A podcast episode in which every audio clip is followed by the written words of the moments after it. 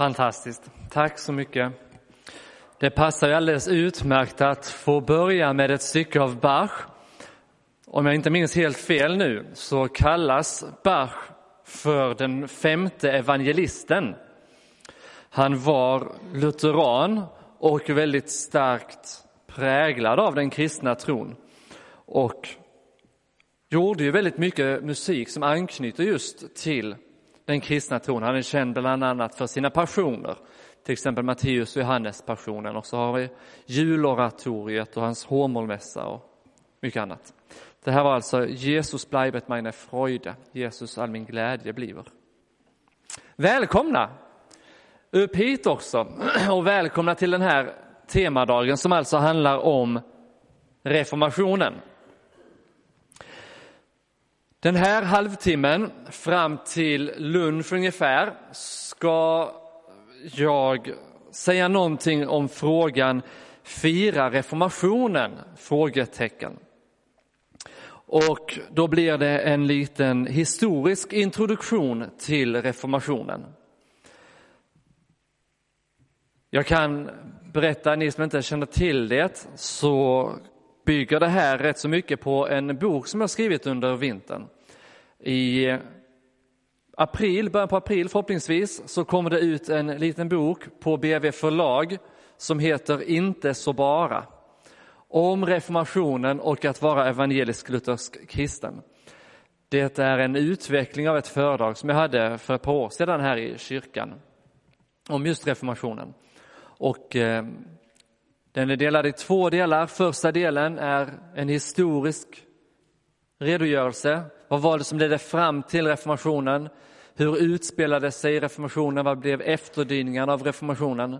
Och så kommer den andra delen av boken handla om vad det betyder att kalla sig för evangelisk-luthersk, alltså hur definieras det?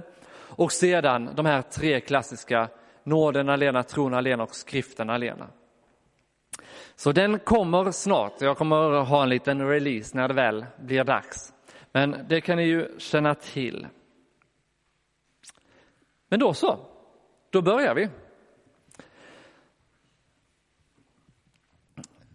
Man kan fundera över vad Martin Luther egentligen tänkte på och vad han förväntade sig när han, gick, eller när han skickade sina 95 teser till sin biskop Albrecht sista oktober 1517. Det var den 31 oktober 1517 som Luther offentliggjorde 95 teser. Vi vet inte med säkerhet ifall han faktiskt spikade upp dem på kyrkporten eller inte. Men vi vet åtminstone att han skickade dem till sin biskop, Albrecht av Mainz. Och för att använda ett modernt uttryck så blev de här teserna snart virala. Det vill säga de fick en enorm spridning. Kanske känner ni till det från nätet. Alltså viralt, det är ju ett ord som vi använder om när någonting får en enorm spridning på nätet. Så man skulle till exempel kunna tänka på bilden som kablades ut av den lilla pojken Allan Kurdi, han som eh, flöt upp på mm, en strand för ett par år sedan. Likt en treårig pojke, han hade drunknat. Han blev liksom bilden på något sätt för flyktingkrisen och eh, för de svåra villkoren som gällde för att ta sig över vattnet. Bilden spreds som en löpeld. Och med teser, ni ska tänka här på tes som i ett argument. Jag lär mina elever just nu att skriva debattartiklar. Då, så, då säger jag alltid, ni måste ha en tes och ni måste ha argument.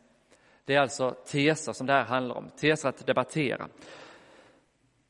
Vad var det egentligen som gjorde att de här teserna, 95 stycken till antalet, fick en så stor spridning? Luther han var sedan några år tillbaka professor i teologi vid universitetet i Wittenberg. Wittenberg ligger ungefär 10 mil sydväst om Berlin. Vid den här tiden så fanns det romerska imperiet fortfarande. Eh, det var en liten, liten stad i det stora romerska imperiet. Det var ett nystartat universitet. Det hade startats om kanske 1502 eller någonting sånt där av en man som hette Fredrik och som var ledare över provinsen Sachsen. Så det var ett litet universitet ute på landsorten. Vi kanske snarare skulle kunna likna det vid en liten nystartad högskola någonstans utanför Stockholm och de stora städerna i Sverige. Högskolan i Gävle eller vad det nu skulle kunna vara. Alltså det, det är inte något högstatus direkt. Och ändå får det en sån spridning. Ja, Luther han hade, han hade tidigare, inte alls särskilt länge sedan, hört en man predika om de så kallade avlaterna. Och avlaterna handlade om att kyrkan lärde att man kunde ge befrielse från syndens straff. Alltså när man biktade sig så kunde man få avlösning och förlåtelse av prästen för sina synder. På det viset kunde man vara viss om att man slapp undan helvetet. Så det, det, kunde man vara viss och säker på. Hade man en rätt ånger, kom man till bikten och fick avlösning så var man befriad från helvetets plågor. Men man kunde däremot inte vara säker på att undgå Guds straff i det här livet för sina synder eller eventuellt straff i skärselden eller rening i skärselden som skulle liksom fylla i det som ännu inte hade blivit gjort under min livstid.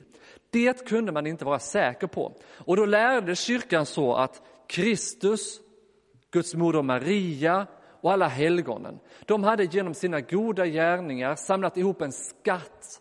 Där fanns ett överflöd, ett överflöd av nåd eller av rikedomar som kyrkan kunde ösa ur och säga okej, okay, det saknas i din goda gärning, men Kristus, Maria och helgonen de har, gjort, har ett överflöd av goda gärningar. Vi tar av dem och så säger vi till dig att du är befriad från Guds straff i det här livet och från skärseldens plågor i det kommande livet. Det var det som avlaterna gjorde, befriade från det straffet. Det här hade missbrukats tidigare i kyrkans historia, man hade fördömt missbruket på 1200-talet. Men när det nu hade gått in på 1500-talet så hade liksom alla sådana här all sån här eh, måttfullhet släppt. Och där fanns en man som hette Johan Tetzel och han var, han var en duktig försäljare. Han hade, hållit, eh, han eh, hade fått i uppdrag att sälja avlater och han använde all sin list. Ni som har sett, ni får tänka på en sån här riktigt slipad bilförsäljare som man kan se i filmer. Någon som säljer en riktigt dålig bil men som övertygar dig om att det är den bästa bilen som finns. Han, det finns en predikan återgiven som antagligen Luther hörde där Eh, Tetzel kunde säga så här, hör du inte, hör du inte hur dina släktingar ropar till dig från skärselden, befria oss från dessa svåra plågor. Du kan befria oss med bara en liten, med bara en liten gåva, för så snart som myntet i kistan klingar sig själen ur skärselden svingar. Så där predikade han och han la en väldig press på människor på det här viset. Och Luther han hade blivit riktigt arg över det han hörde. Och de här teserna då som Luther formulerar, de handlar just om evangelium i motsats till avlatarna. Och Luther han argumenterar i, de, i teserna för att evangelium och goda gärningar som vi gör är mycket mer värdefullt än aldrig så många avlatar som du köper. Så till exempel i eh, tes 42 skriver han, påvliga avlater måste predikas med försiktighet så att inte människor får den felaktiga uppfattningen att avlaterna är bättre än andra goda kärlekshandlingar. Eller tes TS 42, kristna ska läras att påven inte menar att köpet av avlater på något sätt ska jämföras med barmhärtighetshandlingar. TS 43, Kristna ska läras att den som ger till den fattige eller lånar till den behövande gör någonting bättre än den som köper avlater. 50. Kristna ska läras att om påven kände till kraven från avlatspredikanterna skulle han hellre ha önskat att Petruskatedralen brändes till aska än byggdes upp av sina fårs skinn, kött och ben.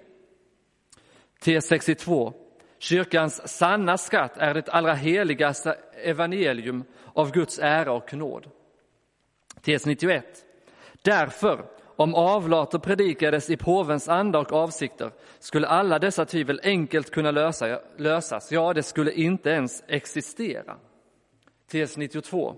Bort därför med alla de profeter som säger till Kristi folk, fred, fred, och det finns ingen fred. Tes 93. Välsignade vara alla de profeter som säger till Kristi folk, kors, kors, och där finns inget kors. Så det är några saker här som blir tydliga. Det verkar som att Luther tror att han tilltalar problem som påven och ärkebiskop Albrecht inte känner till. Han säger ju uttryckligen så. Om påven kände till kraven från avlatspredikanterna skulle han hellre ha önskat att Sankt Petruskatedralen brändes till aska än byggdes upp av sina fårs skinn, kött och ben.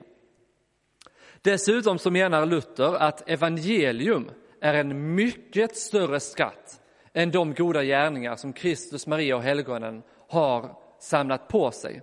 Evangelium är långt mycket vär, mera värt och i andra teser så säger han att de skatterna som evangelium samlar ihop, de är så mycket mera värdefulla och den makten har påven redan fått genom Jesu ord till Petrus. Du har fått nycklarna till himmelriket. Det du löser ska vara löst, det du binder ska vara bundet. Och så menade Luther att avlatshandeln riskerar att locka människor i en falsk trygghet. Det var ett av problemen som man lyfter fram här med de falska profeterna som säger fred, fred, men det finns ingen fred. För han tänkte sig att om människor faktiskt tror att det går att köpa sig fri från skärselden och från Guds straff här i livet så är det lätt hänt att man blir slapp eller att man tänker men jag kan ju betala och så allting lugnt. Men det är inte lugnt.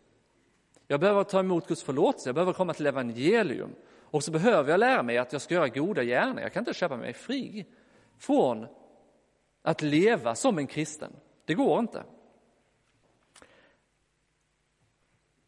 Det var bara det att Luther inte fick alls det stöd han hade förväntat sig. Alltså inte på långa vägar. Varför fick han inte det stödet som han hade, som han hade hoppats på? Ja, det fanns en konspiration. Nej, kanske inte en konspiration, men det var så här att biskop Albrecht, som var Luthers biskop, han hade en överenskommelse med påven Leo den tionde. Påven Leo han hade bestämt sig för att fullfölja en företrädares vision om att riva Petruskatedralen. Ni som har varit i Rom känner till den här stora maffiga katedralen. Han hade beslutat sig för att riva den och bygga upp den på nytt. Det skulle kosta enorma summor pengar. Alltså verkligen enorma summor pengar. Och där fanns en ung karriärist som hette Albrecht av Hohenzollern. Han ville bli ärkebiskop. Han ville bli ärkebiskop både av Mainz och av Magdeburg. Problemet var bara det att Albrecht han var, hade vare sig den rätta åldern, han, hade, han var 28 år när han närmade sig påven. Och man fick inte ha två ämbeten samtidigt. Man fick alltså inte både vara ärkebiskop av Mainz och Magdeburg samtidigt. Men påven han såg sin chans att tjäna pengar. Så Albrecht han fick lov att köpa sig rättigheten. Både till ärkebiskopskapet, trots sin låga ålder, och till två ämbeten, för det fick Albrecht ta ett gigantiskt lån. Och han fick rätten av påven att sälja avlater för att samla in pengar till detta. Och Albrecht han la ut sin försäljning på entreprenad. Han hittade Johan Tetzel, en slipad försäljare, och gav honom i uppdrag att sälja de här avlaterna. Och det var den här Johan Tetzel som höll den här predikan som då Luther antagligen hörde och blev så upprörd över. Så när Luther sa att om påven hade vetat så gick han bet. För påven visste antagligen och det hela pågick med hans goda minne för han såg en chans här att få in pengar. Och antagligen är det de här sakerna som gör att både Albrecht och påven saknade ganska mycket intressen för att gå till rätta med de problemen som Luther var inne på. Det, fanns nog också, det finns också skäl att tro att Luther uppfattades som en obildad, skränig munk från landsorten. Påven var en upplyst och hans, eh, hans eh, teologer var upplysta renässansmänniskor från Italien och däromkring. De var, De var stockholmare och här kom någon lantis. En, lant, en lantortsprofessor eh, som verkade väldigt burdus och sådär. Så man brydde sig inte jättemycket om den här munken och hans, och eh, hans eh, brev. Och hade det varit 50 år tidigare eller 100 år tidigare så hade antagligen det hela bara tystats ner. Luther hade kanske behandlats som Jan Hus, en annan reformator 100 år tidigare. Han brändes på bål, fördömdes som kättare. Det var ingen stor sak med det. Det hade antagligen blivit något liknande med Luther om det varit några år tidigare. Men det blev inte så den här gången, utan det tog verkligen fyr. Varför?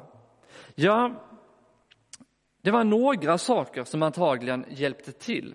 Det hade varit, reformationen hade varit i görningen under lång tid.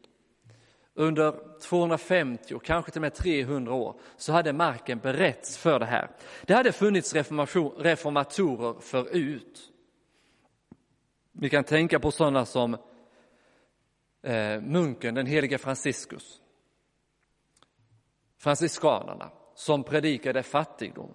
De kritiserade påven för hans rikedom, för kyrkan för dess rikedom. Och en annan viktig munk hette William av Ockham. Han gick så långt som att han kallade påven för kättare, alltså villolärare, för att påven argumenterade mot fattighetsidealet som fanns hos franciskanerna. De fanns där redan för 250 år sedan, 300 nästan. Sedan fanns det sådana som John Wycliffe. Han var väldigt viktig i England. Han eh, hade argumenterat mot prästernas celibat. Han argumenterade för att Bibeln skulle översättas till hemspråket och dylikt. Men han fick inget gehör för det. Jan Hus var en annan sån där som blev vida omtalad som en villolärare. Han hade också fört sin förreformatoriska kamp, men han hade blivit förklarad villolärare, bränd. Vid samma eh, kyrkomöte som Hus blev förklarad villolärare så eh, grävde man upp John Wycliffe ur hans grav och exkommunicerade honom och brände honom postumt. Bara för att markera. Så det var en av de här en av de riktigt fula anklagelserna som man riktade mot Luther det var att man kallade honom för husit, alltså någon som gick i Hus ledband. Dessutom så fanns alltså, det fanns en generell medvetenhet om att kyrkan var i kris. Eh, kyrkan hade varit delad till exempel, man hade haft två biskopar, eh, två påvar, en i Rom, en i Avignon i Frankrike under ett antal år på 1300-talet. Vid ett tillfälle under en period man haft så många som tre påvar vid ett och samma tillfälle som alla anklagade varandra för att vara villolärare. Alltså situationen var helt fruktansvärd för människor. Och till det ska läggas att en tidigare påve hade sagt det finns ingen frälsning om man inte håller sig till påven. Och här fanns det tre påvar som alla förklarade varandra vara villolärare. Så det fanns djupa och välkända problem och människor förstod att någonting behövde hända. Dessutom så, alltså Rom var, väl, var ökänt för sin dåliga moral. Det fanns bordeller i Rom som specialiserade sig på munkar. Alltså, ni kan förstå.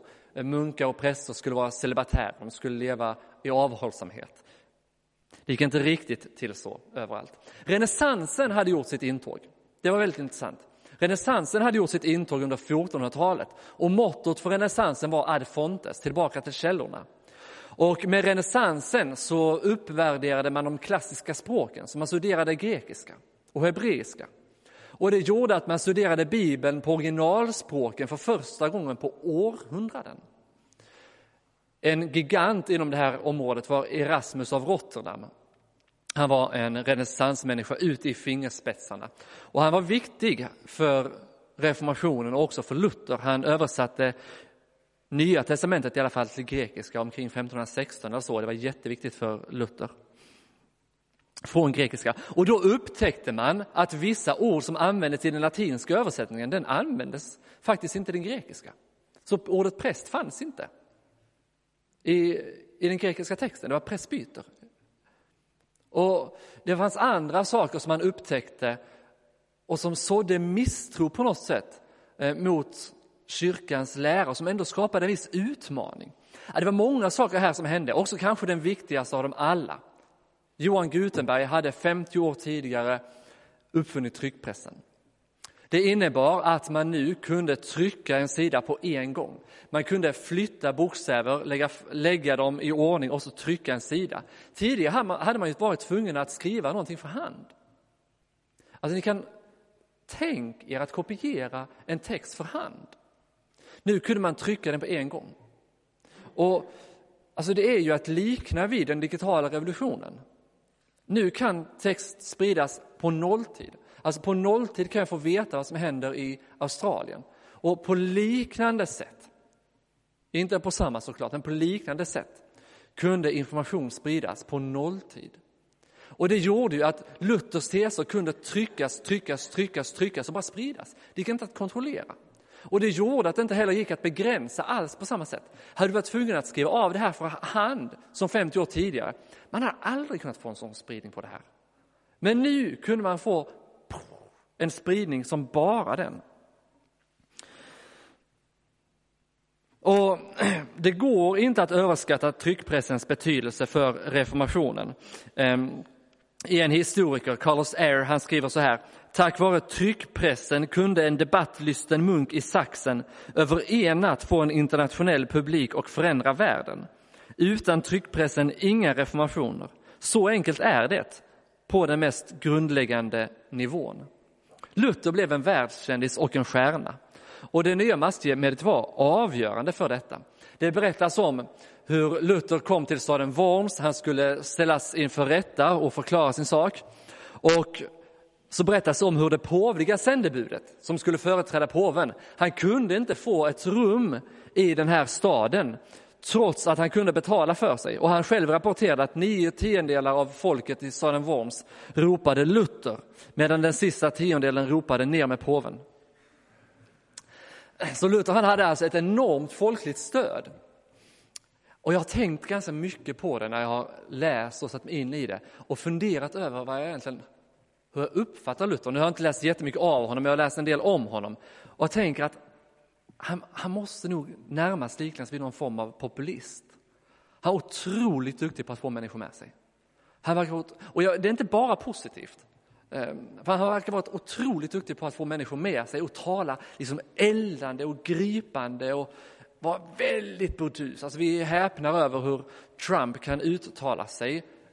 Och Luther, alltså, du vet, han kunde, liksom, han kunde verkligen liksom säga så här, påven är djävulen själv. Och sådana saker. Det finns sidor på nätet som bara samlar förolämpningar av Luther. Det är ingen upplycklig läsning. Eh, han kunde vara rätt så fruktansvärd. Men eh, det gjorde ju att han fick mängder av människor med sig också. Eh, både upplysta människor och ett och annat löst folk som tyckte det var kul med den här kritiken. En annan sak som var väldigt viktig här för Luther var ju politiken. Han hade stöd av prinsen eller fursten av Sachsen. Sachsen är alltså det landområde eller den provins i Tyskland som Luther bodde i. Och det var antagligen så att Luthers mamma kom från en väldigt välbärgad och politiskt inflytelserik släkt och Luther hade kusiner som var eh, privatläkare åt den här Fredrik.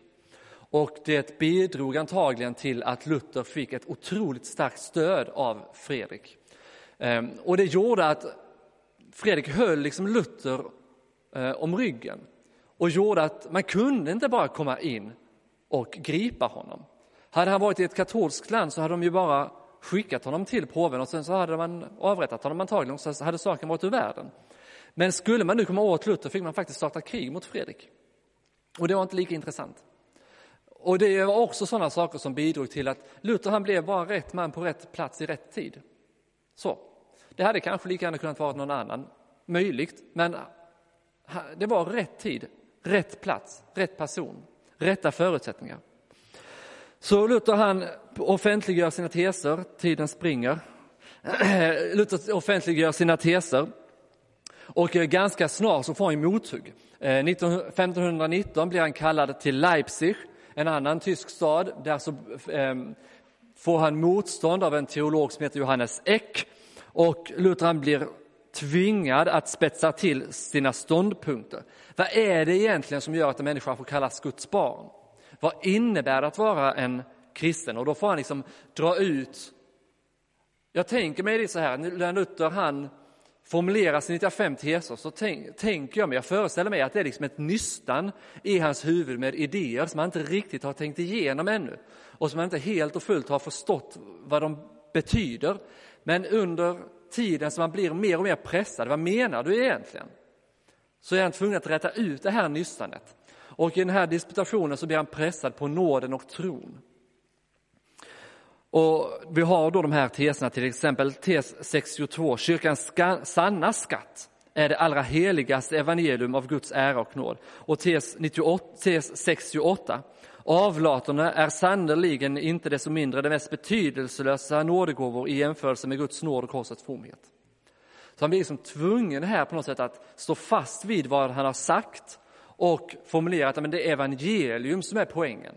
Inte avlaterna, inte kyrkans skattkammare. Det är evangelium som är poängen. Och här håller Luther envist fast vid sin övertygelse att det är för Guds nåd alena som människan får räknas som Guds barn genom tron alena och som hon blir fri från synden, helvetet och djävulen, inte genom några avlater. Och som ett resultat av den här debatten så utfärdar påven Leo en bannbulla, det vill säga en, en skrift där Luther fördöms. Och han får 60 dagar på sig. Eh, eh, bullan heter Exurge Domini, res dig, o Gud. Han får 60 dagar på sig, ta tillbaka eller räkna dig som exkommunicerad ur den katolska kyrkan. Alltså förklarad villolära. Luther han låter det gå ett litet tag och sen så en dag i, jag tror det är december, så ställer han sig på en offentlig plats, jag tror det är Wittenberg. Han bränner bullan offentligt på bål och passar även på att bränna kyrkans lagkodex. Så, alltså, han är ju inte så diplomatisk om man säger så. Utan det är verkligen så här, in your face. Eh, och det är klart att han blir exkommunicerad. Så från december 1520 så är Luther villolärare. Han är inte en del av den katolska kyrkan. Och påven han utövar påtryckningar på kejsaren Karl den femte att han ska göra Luther fredlös. Det betyder att vem som vill får döda honom. Kejsaren är inte jättesugen på att bara böja sig för påven, utan han har bestämt att ingen ska bli förklarad bannlyst utan att, eller fredslös utan att ha fått redogöra för sin sak.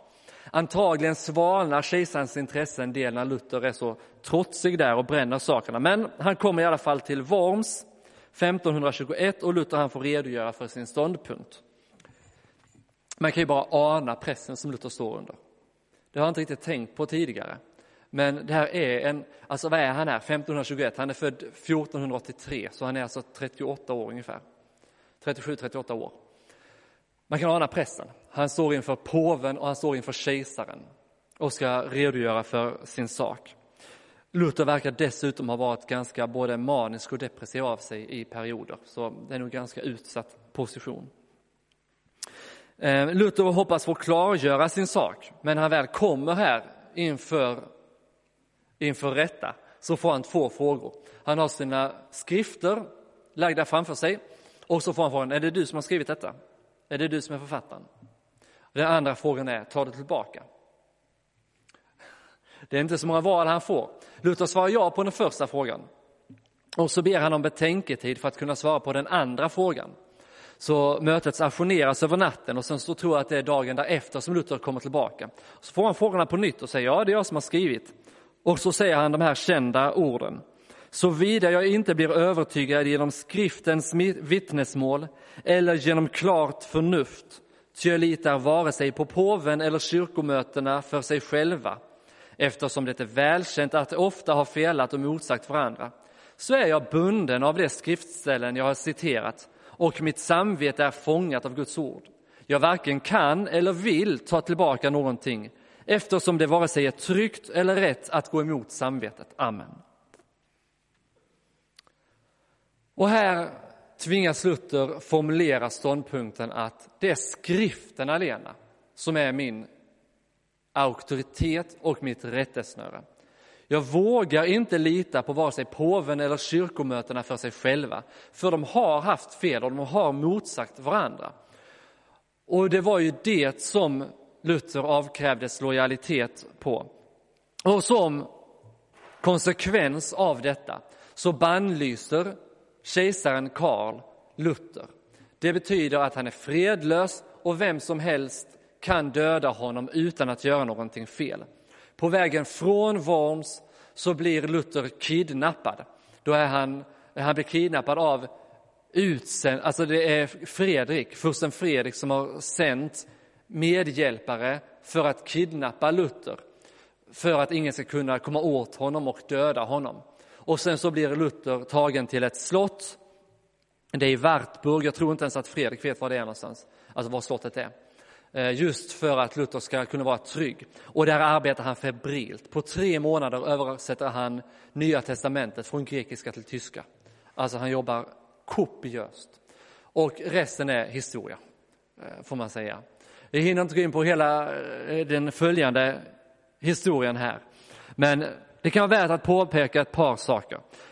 Från och med den här tiden så är allting igång på riktigt. Och det går inte bara som Luther vill, verkligen inte.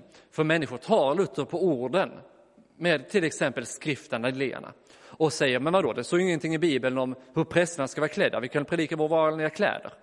Och man säger, det står ingenting i Bibeln om att barn ska döpas, det står om vuxna som döps, vi döper vuxna, och så vidare. Eh, Och Luther och Calvin med flera, de blir förfärade över det här eh, och tänker, vad sysslar ni med? Hur radikala är ni egentligen? Men det där bidrar till förgreningen av reformationen, till uppsplittringen skulle man kunna säga. Och det blir ju också en väldigt viktig debatt om vem som äger reformationen och vad reformationen egentligen är för någonting. Reformationen är inte bara Luther, det är viktigt att påpeka. Luther är en central gestalt. Han är den som är katalysatorn för allting och han är liksom den som på något sätt personifierar reformationen. Men han är långt ifrån ensam. Eh, bland lutheranerna finns ju hans goda vän Philip Melanchthon till exempel, som överlever Luther med 15 eller 20 år och som var mycket mer försiktig. Eh, om Luther han var liksom politikern eller populisten så är Luther mycket mer, eh, Melanchthon mycket mer humanisten och akademikern. En mycket mer lågmäld person. Och sen så kommer det flera andra reformationer som är mer eller mindre fristående från Luther. Vi har till exempel Calvin i Genève och vi har Zwingli. Ehm, vi har eh, anglikanerna, alltså i England. Sen kommer de radikala, baptisterna och, och så vidare. Och efterhand så kallar ju också katolska kyrkan till ett kyrkomöte i Trient som pågår under 17 år, där man på något sätt försöker ta tag i olika problem som har adresserats under reformationen. Och det var många människor omkring Luther som var viktiga för att utforma den lutherska tron, inte minst en sån som Melanchthon, men också efter Melanchtons död så fanns det flera i Luthers Eh, gemenskap som blev viktiga för att formulera den lutherska tron. Till exempel Martin Schemnitz. Så när vi nu är här och talar om reformationen så kan man fråga sig, är det något att fira? Alltså, vi firar givetvis inte en spricka, det är inte det som vi firar. Och det är värt att påpeka att det är inte Luther som driver igenom den här sprickan. Han är helt klart osmidig, men han blir exkommunicerad av påven och han blir bannlyst av kejsaren. Ehm, det är nog från båda sidor, man hade kunnat göra saker lite annorlunda. Men det är inte sprickan som vi firar, utan vi firar bekännelsen. Bekännelsen till tron att människan blir frälst av Guds nåd alena, genom tron alena. Och att denna frälsning uppenbaras i skriften, det vill säga i Guds ord som är människan och den enda guden Jesus Kristus. Så säger man till exempel i det viktigaste lutherska trosdokumentet av dem alla, Augsburgska bekännelsen, så säger man så här om rättfärdiggörelsen. Vidare lära vi att människorna icke kunna rättfärdiggöras inför Gud genom egna krafter, egna förtjänster eller egna gärningar, utan att vi rättfärdiggöras utan förskyllan för Kristi skull genom tron, när det tro att det upptagas i nåden och att synderna förlåtas för Kristi skull, vilken genom sin död åstadkommit tillfyllestgörelse för våra synder.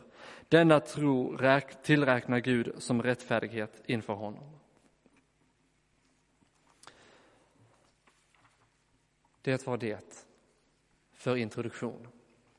Då passar vi på att sjunga en av de mest kända Luthersalmerna innan vi sjunger en bordsvers och tar lunch. Den ska jag se till att få upp på skärmen. Det är nummer 405 i Lova Herren, vår Gud är oss en väldig borg. Han är vårt vapen trygga.